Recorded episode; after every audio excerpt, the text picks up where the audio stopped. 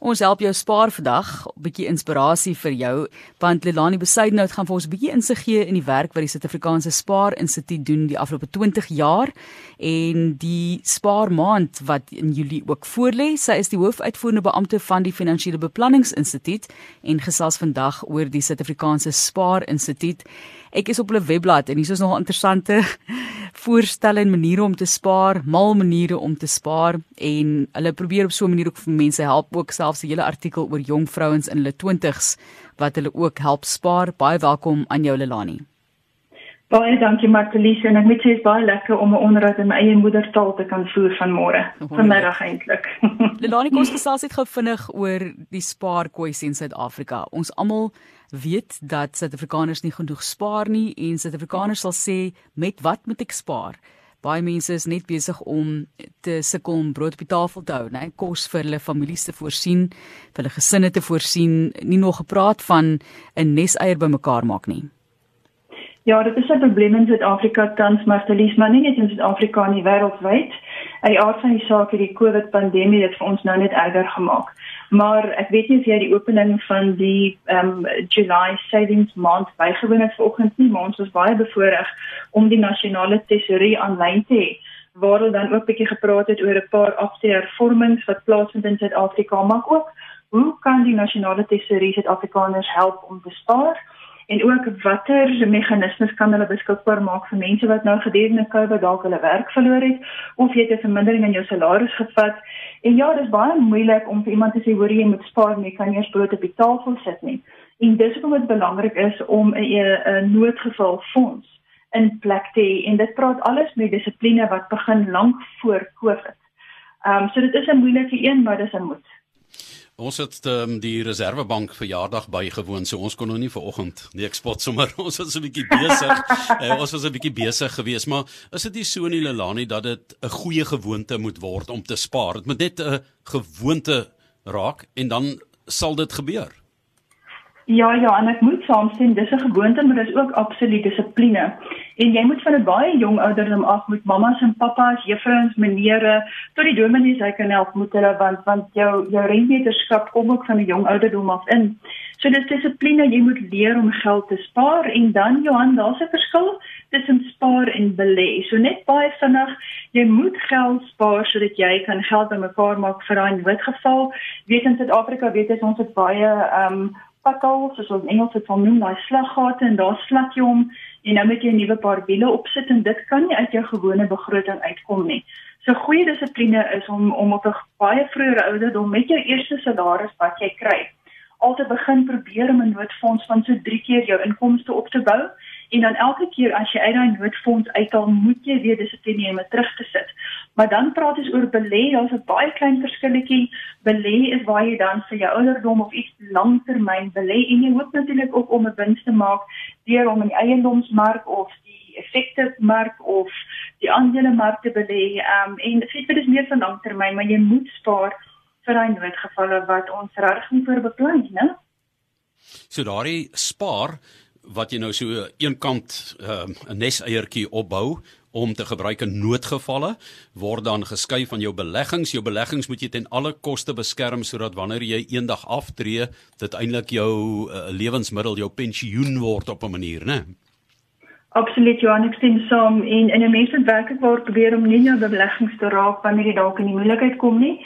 Jou beleggings is vir langtermyn, vir 'n kind se, weet as jou babatjie vandag gebore is, dan weet jy oor 18 jaar gaan jou kind dalk wil gaan studeer of hy of sy wil oorsee gaan. Um, en dan natuurlik vir jou aftree ouderdom ook. Jy moet nie aan daai geld probeer vat nie. Daarom het jy jou noodgeldjies wat jy spaar en jy hou dit so.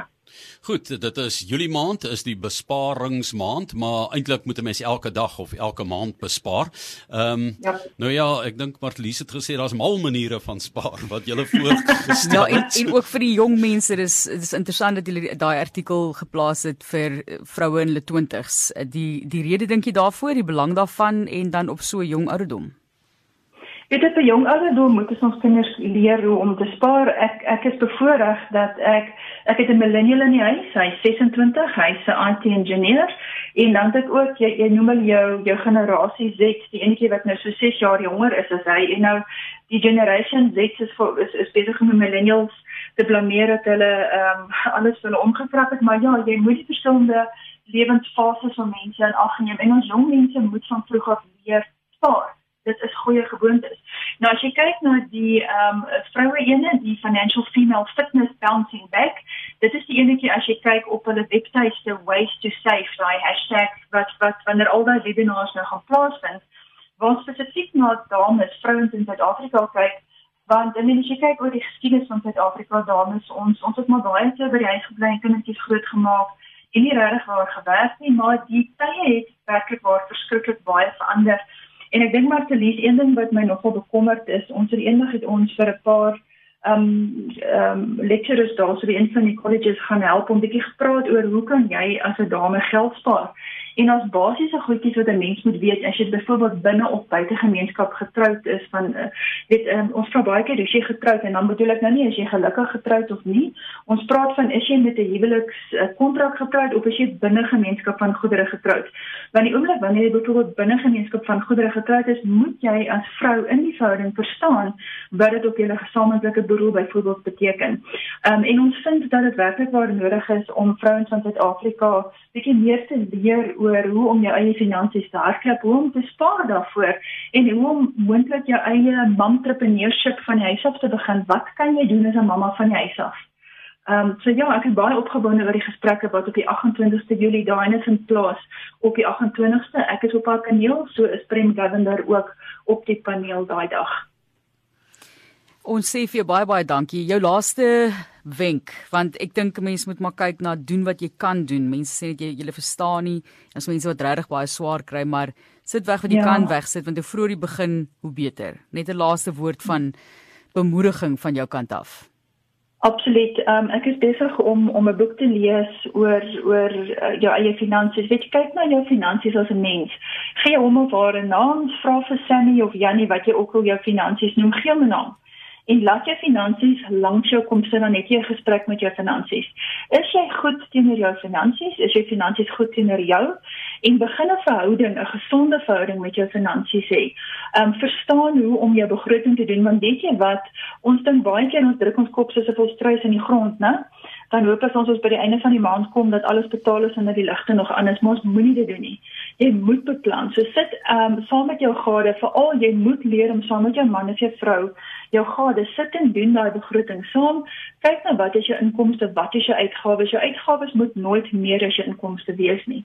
Ehm um, probeer maar maar gedissiplineerd te leef en jy moet altyd eers daai geldjie eenkant sit um, om te spaar. Betaal jouself eers, sit daai geld eenkant en jy moet daai gesprek met jou eggenoot hê. Dit is dalk baie keer die eerste gesprek die moeilikste. Trek dalk mekaar se hare uit, maar weet jy wat dit raak makliker met die einde van die dag gaan dit 'n baie goeie gewoonte wees. En as jy nou nie iemand het nie, dan moet jy daai gesprek met jouself voer en eerlik wees op papier, né? Absoluut, dan maak jy maar jou finansies daai persoon, jy gee 'n persoonlikheid en jy sit die finansies met naam Jannie. Ons sal dit maar Jannie en Johan noem en dan met julle twee baie ernstige gesprekke hê.